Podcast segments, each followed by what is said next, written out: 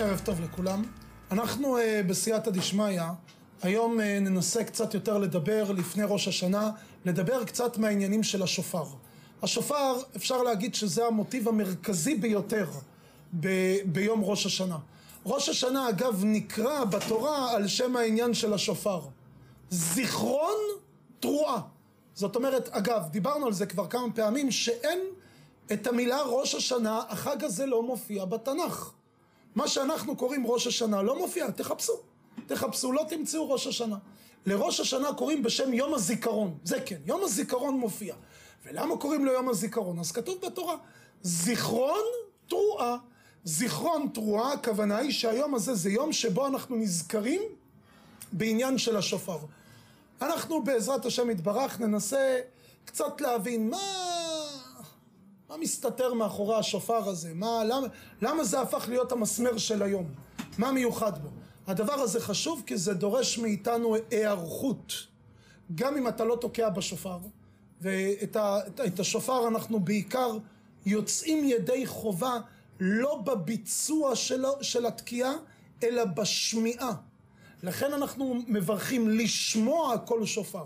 למשל, היפותטית, בן אדם תקע, אבל הוא תקע לתוך איזה מקום של ואקום שלא יוצאים מזה הצלילים. אבל הוא הוציא את הקולות מהפה, נשף את זה החוצה, לא יצא ידי חובה. אם אתה תוקע, אדם שתוקע לתוך הבור, לתוך הדות, לתוך חללים סגורים ואטומים, לא יצא ידי חובה. יש עניין בשמיעה. מה, מה העניין של לשמוע? מה, גם, איזה מין סוג של תפילה מוזרה זו שלוקחים איזה קרן של איל ומפיקים ממנה צלילים. אנחנו יודעים להתפלל, כל מילה, לבטא את הדברים, את המילים. איך פתאום יצא ש... סליחה, קצת פרימיטיבי. לוקחים, תוקעים, זה התפילה, זה מה שמהותו של היום. מה, מה מסתתר מאחורי העניין הזה? אז בואו נצעד יחד, כמו שראינו כמה וכמה פעמים, שאנחנו מתעסקים עם כל הנושא של התנ"ך, אנחנו רואים שדברים חוזרים על עצמם באופן קבוע, ותמיד תמיד יהיה קשר בין המרכיבים, כאשר יש לנו את המכנה המשותף, ציר מרכזי שנמצא ביניהם. אנחנו נצא בעקבות השופר, ננסה לחפש אותו קצת. אז ככה, הפעם הראשונה שאנחנו נתקלים בשופר, חוץ מאלו של יצחק אבינו, בעקדת יצחק, הפעם הראשונה שנתקלים בתקיעת שופר. בתקיעה, בפעולה עצמה, שזוהי התקיעה, זה היה במתן תורה. מתן תורה, כל מתן תורה היה מלווה עם מעמד של שופר, והתורה מדגישה את זה כמה פעמים. כל שופר חזק, לא רק חזק, אלא חזק מאוד.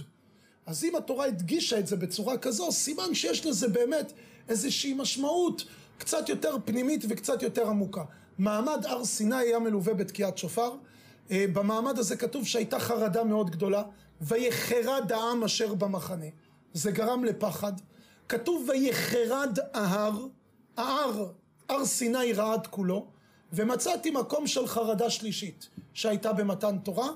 הגמרא בזבחים בדף קטז עמוד ב' אומרת הגמרא שבשעה שנתן הקדוש ברוך הוא את התורה חרדו כל מלכי אומות העולם בהיכליהם כל הגויים, כל מיני ממלכות בכל העולם, כל אחד, כל מלך יושב בהיכל שלו, יושב במקום שלו, במקום שהוא הכי תקיף, במקום של המלכות, וכולם הרגישו חרדה מאוד גדולה במתן תורה. זאת אומרת, זה לא רק ההר, וזה לא רק מי שהיה מסביב להר, אלא זה בכל העולם כולו. הגמרא שמה מספרת שהם הגיעו לבלעם הרשע, ואמרו לו, חס וחלילה, אולי מגיע מבול, איך תדע, כל רעידת אדמה, השם ישמור שלא תקום צרה, בשום מקום, רעידת אדמה מלווה ברעש גדול מאוד. האדמה שהיא רועדת זה לא בשתיקה, זה עם צליל, צליל אימתני.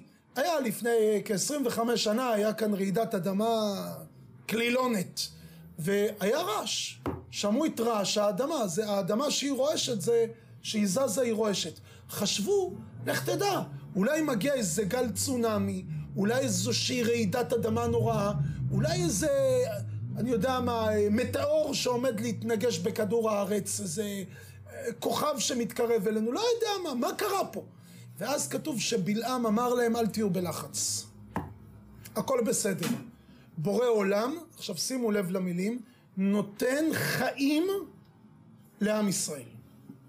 ואז הוא אמר להם, ימינו יש דת למו, נותן להם את עץ חיים היא למחזיקים בה, נותן חיים לעם ישראל. אה, אז אם זה רק אה, נותנים את התורה, צפירת הרגעה, כולם חזרו הביתה. היחידי ששמע, הפנים, הבין, זה היה יתרו. כך אומר רבי אלעזר המודעי. יתרו אמר, וישמע יתרו, הוא שמע את הקול של השופר לפי השיטה הזו שיתרו בא אחרי מתן תורה, מחלוקת שם בגמרא, לפי השיטה הזו הוא שמע את קול השופר, אמר אני מגיע. אם נותנים חיים, מה אני נשאר במדיין? המקום שלי, איפה שמחלקים חיים. כל השאר מה עשו? כל השאר נשארו. לכן כתוב שהמכשפים, לכל המכשפים, בלעם היה מכשף גדול מאוד. לכל המכשפים קוראים להם חרשים. בארמית הם נקראים בשם חרשיה. החרשים, החרשים, אלה שלא שומעים. מה לא שומעים? הכוונה היא, כשפים כתוב זה מכחיש פמליה של מעלה. למה לכשפים קוראים כשפים? כי הרי כידוע הקדוש ברוך הוא נמצא בעולם ואין עוד מלבדו. אין עוד מלבדו. וכשפים כביכול עושים פה דברים נגד רצונו של הקדוש ברוך הוא. עושים כל מיני כישופים, לכן זה נקרא אברה קדברה. כל מכשף מתחיל ככה, אומר אברה קדברה. מה זה אברה קדברה? זה בארמית. אברה כדברה. אני יכול לברוא בכוח הדיבור, אבל זה שקר. זה לא דבר שהוא מהותי, כי דברו של הקדוש ברוך הוא זה הדבר היחידי. הגמרא מספרת על רבי חנינא שפעם אחת הוא ראה איזה אישה אחת הולכת אחריו ולוקחת חולות איפה שהוא דרך. עכשיו יש לזה סיפטום אחד, לוקחים את החול ועושים איתו כל מיני כישופים. אז הוא אומר, תקחי, תקחי, אם את רוצה אני גם יכול לספק לך את השק שתוכלי למלות בו את החולות. למה? כי אין עוד מלבדו, שום כשפים בעולם לא יכולים להשפיע עליי. את יכולה לקחת, אני לא, זה לא, לא מלחיץ אותי. לא חשש מהכשפים. אבל צריך לדעת שיש מושג כזה בעולם. המכשף למעשה אומר, אני מאמין שיש עוד מלבדו, השם ישמור, יש עוד מלבדו. יש את בורא עולם ויש את הרצונות שלי. לכן זה נקרא כשפים מלשון הכחשה. לכן המכשפים נקראים בארמית חרשיה, החרשים, אלו שלא שומעים את קולו של האלוקים. היחידי שלא היה חירש זה היה יתרו. יתרו הופיע, וישמע יתרו, הוא שמע את הקול של השופר, והוא אמר, אם יש שופר, אני בא לקבל חיים בעם ישראל. זה היה המתן, המעמד הראשון שנתקלים בתנ"ך, שיש עסק שלם מסביב הקולות, מסביב השופר, זה מעמד הר סיני. ארבעים שנה אחרי האירוע הזה, יש לנו שוב פעם טקס שלם שמלווה בשופרות.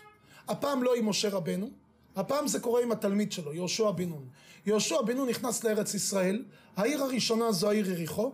יריחו הייתה מוקפת, סוגרת ומסוגרת בכל מיני אה, חומות. עד היום יש אה, בחפירות ארכיאולוגיות שעשו ליד העיר יריחו, מצאו את החומה טבועה קומפלט בתוך האדמה. מדברים על ממדי, ממדי חומה לא נורמליים, אין עוד אח ורע לכזו סוג של חומה.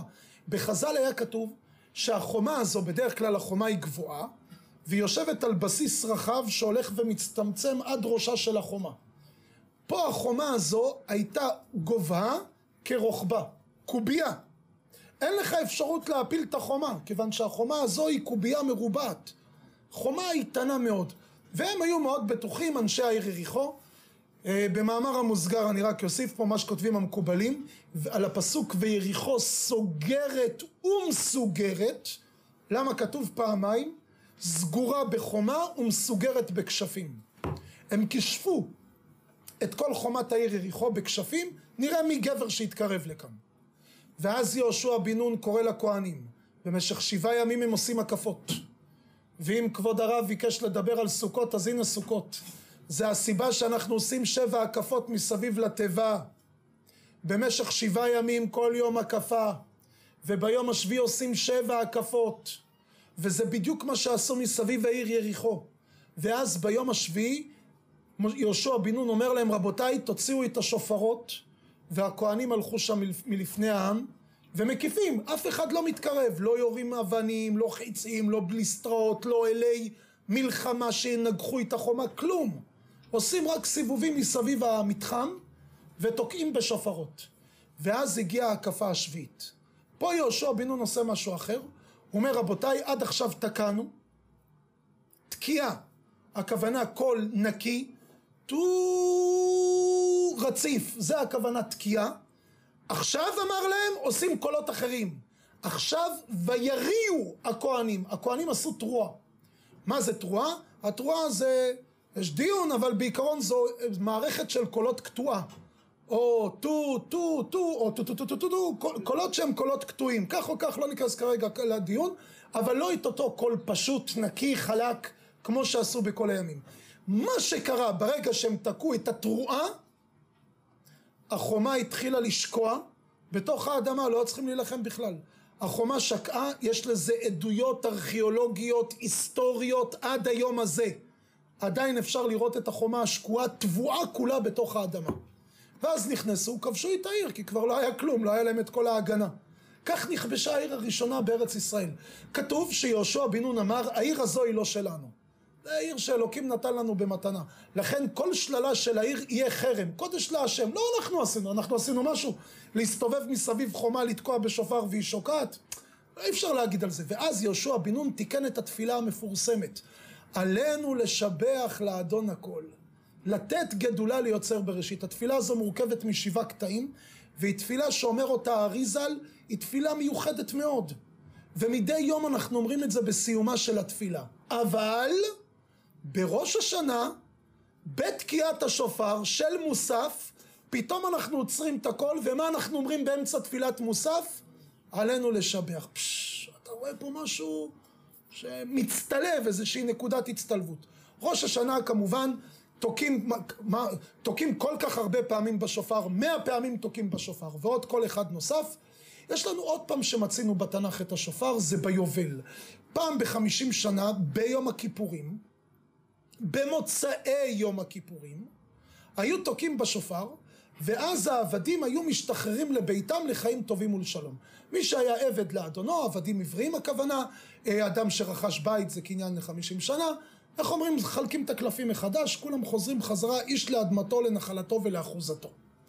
ויש מוריי ורבותיי את השופר האחרון, זה השופר שאנחנו מחכים לו בעזרת השם במהרה בימינו. אנחנו מתפללים מדי יום בתפילה. תקע בשופר גדול לחירותנו. וזה כתוב בנביא, ובאו העובדים מארץ אשור והנידחים מארץ מצרים, ואז כתוב וייתקע בשופר גדול, יש שם תקיעה של שופר, אותו שופר שיבשר את עניין הגאולה. אז הנה עשינו פה איזה סקירה, על פניו אין קשר בין ה... כל מקרה, מתן תורה, כיבוש העיר יריחו, ראש השנה, היובל, ביום הכיפורים בכלל, אה, תקיעת שופר של הגאולה, בעזרת השם במהרה בימינו, על פניו אין קשר ביניהם, חוץ מזה שתמיד השופר הוא הציר המרכזי. מה זה השופר הזה? מה זה השופר? מה הוא בא לסמל? אז בואו נראה יחד. השופר למעשה, אם אני מסתכל מה המכנה המשותף על כל מה שאמרנו כרגע, המכנה המשותף להכל זה חירות. חירות. במתן תורה כתוב שהיה חירות מיצר הרע, חירות ממלאך המוות, חירות משעבוד גלויות. ביובל, איש של אדמתו ולאחוזתו זה חירות. בגאולה השלמה, טוב זה ודאי חירות, כי זה גאולה שניצולים ממנה משעבוד מלכויות ומכל הדברים. יש לנו עוד בעיר יריחו, בעיר יריחו עם ישראל זכה לכבוש, דבר שלא היה תחת שליטתו, ולמעשה סיפח את ארץ ישראל, הוציא אותה מהשבי שלה והעביר אותה לרשותם של עם ישראל. ח... חירות, זה למעשה מה שמסמל השופר. עכשיו השאלה יותר ממוקדת. למה השופר מסמל חירות? או, עכשיו הגדרנו בצורה הרבה יותר מדויקת. מדוע השופר מסמל את עניין החירות?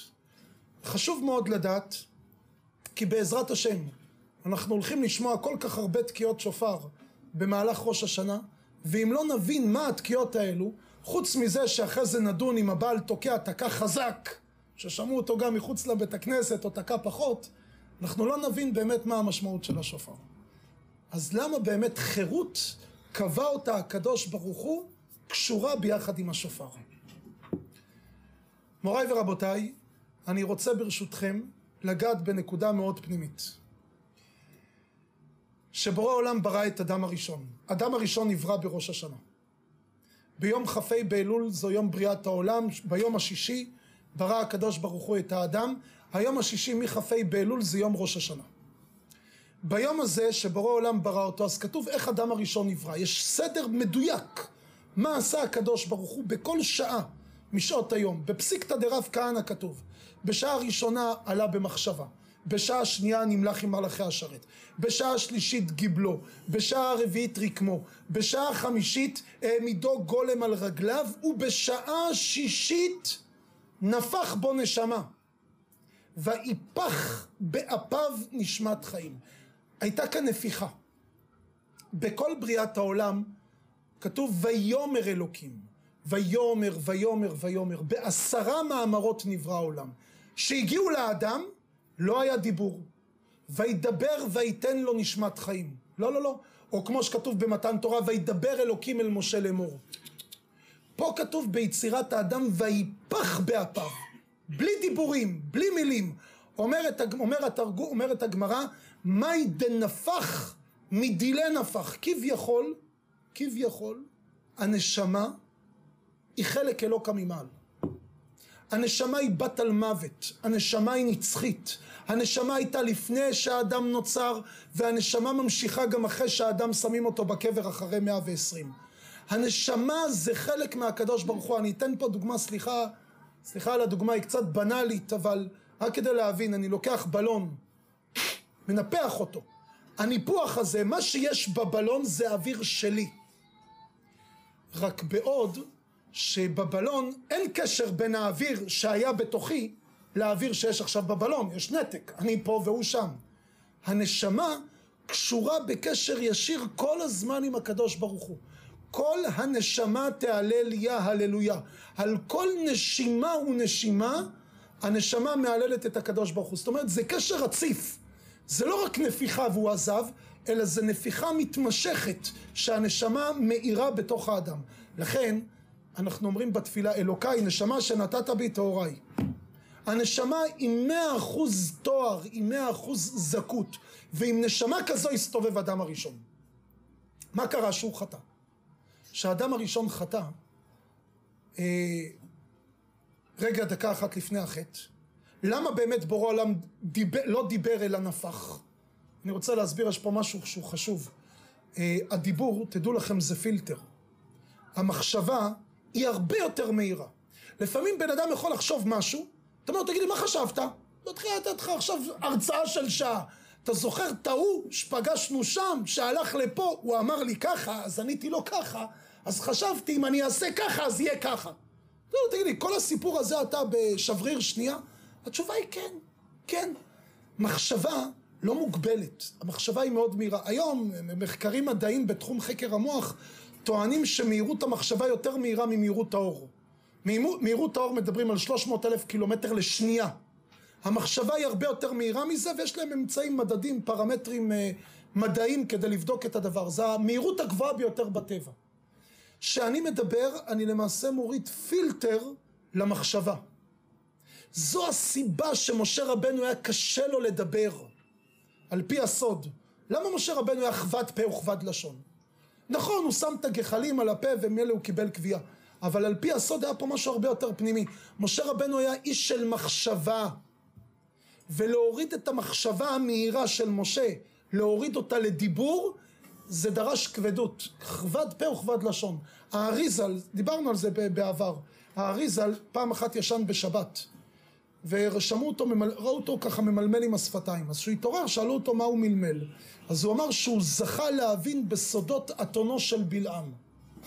כבוד הרב, האתון של בלעם, אולי הרב יגיד לנו כמה חידושים על האתון, זה דווקא נשמע מעניין. אמר להם האריזל, גם אם אני אחיה מאה שנה, מאה שנה, אני לא אצליח להעביר את הסודות שלמדתי רק על אתונו של בלעם. זאת, אז רגע, איך יכול להיות? אבל מאה שנה זה זמן ואתה ישנת בסך הכל חצי שעה.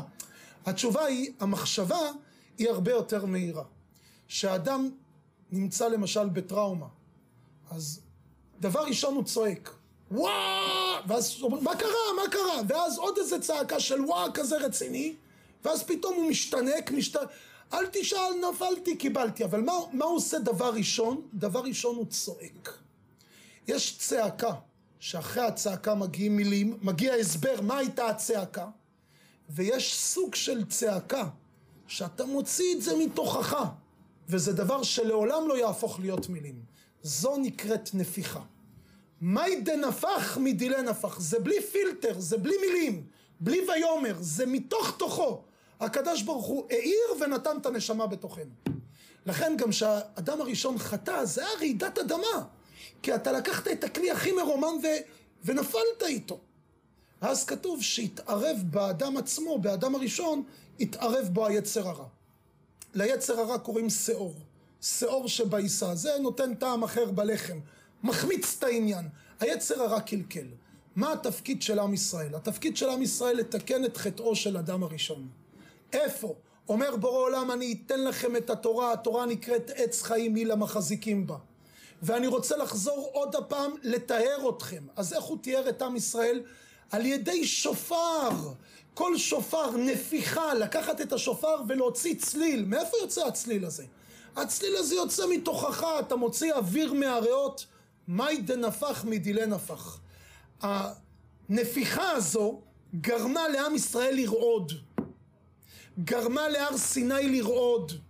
גרמה לכל העולם לרעוד. מה מתרחש פה? יש פה משהו חדש, העולם הולכים להחריב אותו, הולך להיות עולם חדש, מה עומד להיות? ואז אמר להם בלעם הרשע, אמר להם אין לכם מה להיות בלחץ. בורא עולם נותן חיים לעמו ישראל. חיים, הכל בסדר, לא עומד להיחרב שום דבר, הכל בסדר. הם מקבלים עכשיו חיים חדשים. ובאמת, בקול של השופר התקדשו, ופסקה מהם זוהמת הנחש. וזכו לחירות ממלאך המוות, וחירות משעבוד מגלויות, וזכו, זכו למה שזכו על ידי הקול השופר. כולם שמעו. היחידי ששמע והפנים היה יתרו. לכן כשאני רוצה לשחרר את העבדים ביובל, אני תוקע בשופר. אתם מקבלים נשמה חדשה, לכו הביתה. אתה לא עבד, אתה בן חורין. הבית הוא לא בית שלך, תחזיר אותו למקור. לכן שיהושע בן נון מקיף את העיר יריחו, הוא אומר, יש פה המון טומאה, העיר הזו סוגרת ומסוגרת. אומר להם, בואו נשתמש עם הקדושה, עם הכוח של השופר. זה כוח שמתאר את הנשמה, הוא יתאר את האווירה כאן. והם מסתובבים במשך שבעה ימים, וכל יום עושים עוד הקפה, ומורידים עוד חומה, ועוד חומה רוחנית. ואז מגיע היום האחרון, ופה קורה דבר מאוד מעניין. תקיעת שופר. אבל הפעם אומר להם יהושע בן נון, תשנו את הצלילים. במקום לתקוע, וכל שופר הולך וחזק מאוד, הפעם תעשו צליל שונה. מה הצליל? תרועה. אתם תריעו. התרועה הכוונה היא קולות מקוטעים, לא צליל ישר. מה העניין? אז מסבירים המקובלים שהסיבה הייתה כזו. התקיעה הישרה זו תקיעה פשוטה, היא מסמלת את מידת הרחמים. שמידת הרחמים תעלה ותתגבר ותעלה עד לשמי מרומים עד שיהיה לנו נשמה חדשה בזכותה. אבל גם יש את מידת הדין, ומידת הדין מקטרגת. אומרת מה, לבן אדם כזה תבין נשמה, תראה איך הוא מלוכלך, תראה איך הוא מזוהם. איזה נשמה תיתן לו? בשביל זה מביאים את הקולות המקוטעים. הקולות המקוטעים זה לקטוע ולכתות את מידת הדין. לקטט אותם, שכביכול לא יהיה להם כוח. אומר יהושע בן נון, עכשיו הולכים להפיל את העיר יריחו, שנו את הצלילים. זה לא לשנות את הצליל, זה לשנות את הכוונה. אומר להם עכשיו תכוונו קולות מקוטעים כי אנחנו הולכים לקטע אותם. ובאמת כך היה. החומה בסיום התרועה התחילה לשקוע בתוך האדמה. וזו התקיעת שופר שאנחנו מחכים בגאולה השלמה. אבל מיד לפני שאני אסביר את הגאולה, אז מה קורה בראש השנה? מוריי ורבותיי, מה אנחנו צריכים לכוון? הבעל תוקע נעמד. הוא מברך לשמוע כל שופר, זה לא לתקוע, זה לשמוע. הוא מבקש מכל הציבור, רבותיי, שימו לב לצליל, תבינו את המשמעות של הצליל. עכשיו אנחנו רוצים לקבל על עצמנו, לקבל נשמה חדשה. ריבונו של עולם, אותה נפיחה שנפחת בנו בראש השנה, באדם הראשון, שהאדם הראשון נהיה קדוש יותר ונהיה טהור יותר, ריבונו של עולם, אנחנו מבקשים ממך תחזיר בנו את אותה הנשמה. זה התקיעת שופר. תוקעים ומבקשים ריבונו של עולם, אנחנו רוצים נשמה שהיא נשמה חדשה. לא רוצים את אותו שאור שכל הזמן מסית אותנו את היצר הרע. לגבי מידת הדין, אנחנו מיד עושים קולות מקוטעים. ולכן עושים תקיעה, שברים ותרועה ועוד הפעם תקיעה. ותמיד התקיעה צריכה להיות גדולה יותר. אני, אני אסביר, יש לזה מרכיבים מאוד הלכתיים. חשוב מאוד אגב שכל מי שבעזרת השם מתכוון לתקוע בשופר, לא רק להוציא צלילים יפים, אלא מבחינה הלכתית. כי אם אדם לא יודע את ההלכות, אני לא מדבר על כוונות. אדם שלא יודע את ההלכות, ברוב הסיכויים הוא לא מוציא את הציבור ידי חובה. הייתי פעם באיזה בית הכנסת, היה שם איזה יהודי אחד שרצה לתקוע בשופר. הוא רצה לקחת איזה סריה מה... מתפילת מוסף.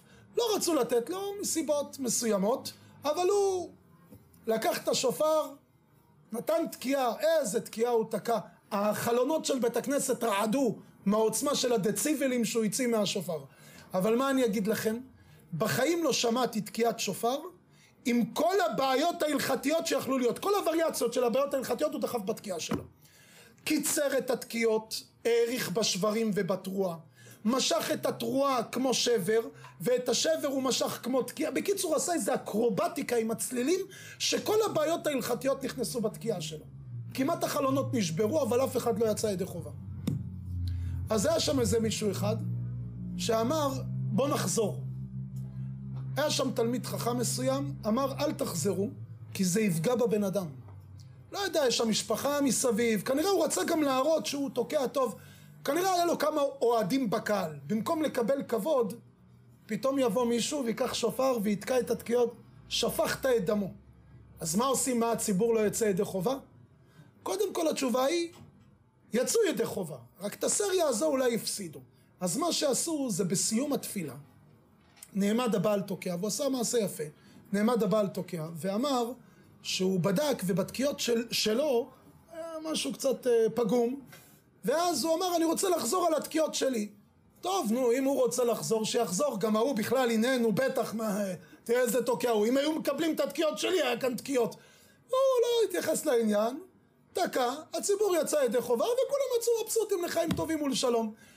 צריך לדעת, גם בעניינים הללו, בפרט בראש השנה, לא לעשות מחלוקת, לפעמים על כיסא, לפעמים על משהו, חבל. יום כזה קדוש, והיצר הרע מחפש לקחת את החלק שלו.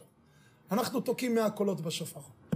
מאה קולות, תקיעות ארוכות שיעלו למעלה ויפתחו שערי רחמים, ובאמצע כובלים קולות מקוטטים כדי שמידת הדין תיקטט ותישבר.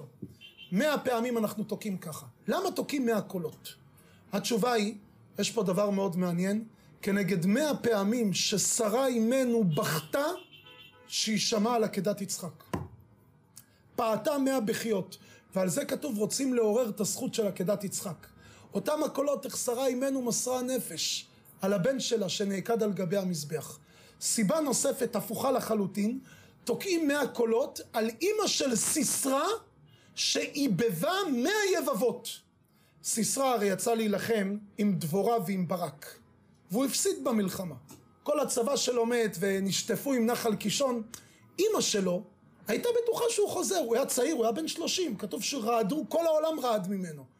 היה בן שלושים, חזק, בשיא הכוח והחיל. אימא שלו ציפתה שבערב הוא חוזר, הוא מביא שלל גדול, אבל הזמן מתקרב וסיסרא לא שב הביתה לחרושת הגויים. זה, זו עיר באזור השומרון, חרושת הגויים. ואז אימא שלו כתוב, נשקפה בעד החלון ותייבב. אז היא ראתה שבכישופים שהבן שלה מת, והתחילה לבכות. היא בכתה מאה קולות, מאה יבבות. ואנחנו בראש השנה תוקעים מאה קולות כנגד מאה יבבות של אם סיסרא. והמקובלים שואלים, מה הקטע? מה עכשיו נזכרת בסיסרא באמצע תקיעת שופר ראש השנה? אלא הסיבה לכך היא סיבה יותר עמוקה. כותב הרמדור, רבי דוד וואלי, מתלמידי הרמח"ל, רבי משה חיים לוצטו. יש לו ביאור יפה מאוד על התנ"ך. הוא אומר, תדע לך, שאנחנו תוקעים את זה דווקא בראש השנה כדי ללמד, יש פעמים שההזדמנות מוחמצת. אם אימא של סיסרא הייתה בוכה לפני, אולי הבן שלה היה חוזר הביתה. שהוא כבר מת, הדמעות לא עוזרות. יש בכי שהוא בכי מאוחר. אנחנו מייבבים עכשיו, ריבונו של עולם עכשיו, עמוד מכיסא דין ושב על כיסא רחמים. הבנו את המוסר השכל, מאה קולות. הקול המאה ואחת. הקול המאה ואחת, התרועה הגדולה, נועדה, יש כמה גרסאות, התרועה הגדולה, או תקיעות דמיושב או מעומד, אני לא אכנס כרגע לשיטות בפוסקים, אבל התקיעה המאה ואחת נועדה לערבב את השטן. לערבב אותו. מה לערבב אותו? אתה לא מתערבב, איך השטן יתערבב? הוא קצת יותר מתוחכם מאיתנו. כשאנחנו רדומים הוא הראש לא עובד. אז איך פתאום אתה מערבב אותו עם איזה כמה קולות? התשובה היא כזו, שהתקיעה שאנחנו תוקעים היא תקיעה שמבלבלת את השטן כי הוא חושב שאולי מגיע השופר של המשיח. וזה התקיעה האחרונה. תקע בשופר גדול לחירותנו. וזה גורם לו להיבהל כי כשהמשיח יבוא כל המערכת הרוחנית והגשמית תהיה פה קצת שונה לטובה ויהיה ביטול של היצר הרע. בן אדם לא ירצה לעבור עבירות זה, זה, זה לא ידבר. זה יהיה מאוס בעיניו. אני לא אגע כרגע בסוגיה אולי בסוכות יש שם את הסוגיה הזו אבל זה סוגיה מאוד מאוד מעניינת. ותל צחנתו ובאשתו, שם כתוב שיהיה, העולם יסריח מהביטול של היצר הרע. לא יוכלו לפתוח את האף מרוב הסירחון שביטלו אותו מן העולם, עד כדי כך. ו... ואז יש לו פחד נוראי. מי יודע, אולי זו התקיעה. עכשיו הוא מפחד, אולי זו התקיעה. השאלה היא, הרי שנה שעברה עשו תרועה גדולה לא בא המשיח. לפני שנתיים, אלפי שנים, תוקעים בשופר, לא הגיע המשיח. מה הוא בלחץ? התשובה היא, וזה הסוד הגדול, ועם זה אנחנו חותמים. השטן בלחץ, כי הוא, רק הוא יודע מה הכוח של השופר.